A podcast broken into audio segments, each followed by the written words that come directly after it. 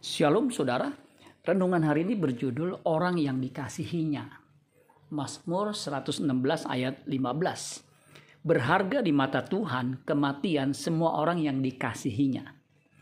Ayat tersebut di atas sering disampaikan pada saat ibadah duka, waktu di rumah duka atau di pemakaman untuk memberi penghiburan bagi keluarga yang ditinggalkan.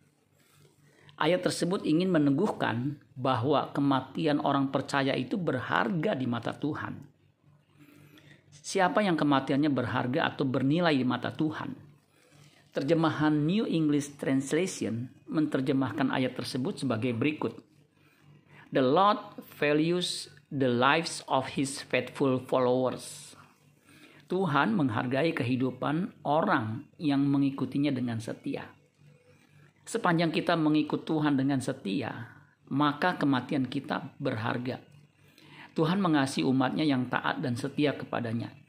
Ia tidak akan membiarkan mereka yang setia mati sia-sia. Mazmur 116 ayat 15, terjemahan firman Allah yang hidup, bunyinya seperti ini. Orang-orang yang dikasihinya sangat berharga bagi dia, dan ia tidak membiarkan mereka mati dengan begitu saja.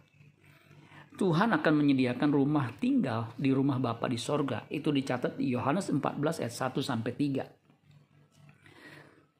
Saat ini kita mendengar banyak orang yang meninggal karena terinfeksi virus corona. Lalu segera dimakamkan atau segera dikremasi. Sehingga tidak ada upacara pemakaman.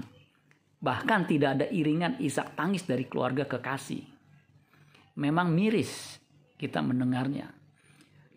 Tetapi ingatlah, bukan seberapa banyak orang yang menghantar kita ke pemakaman, tetapi siapakah yang menyambut kita?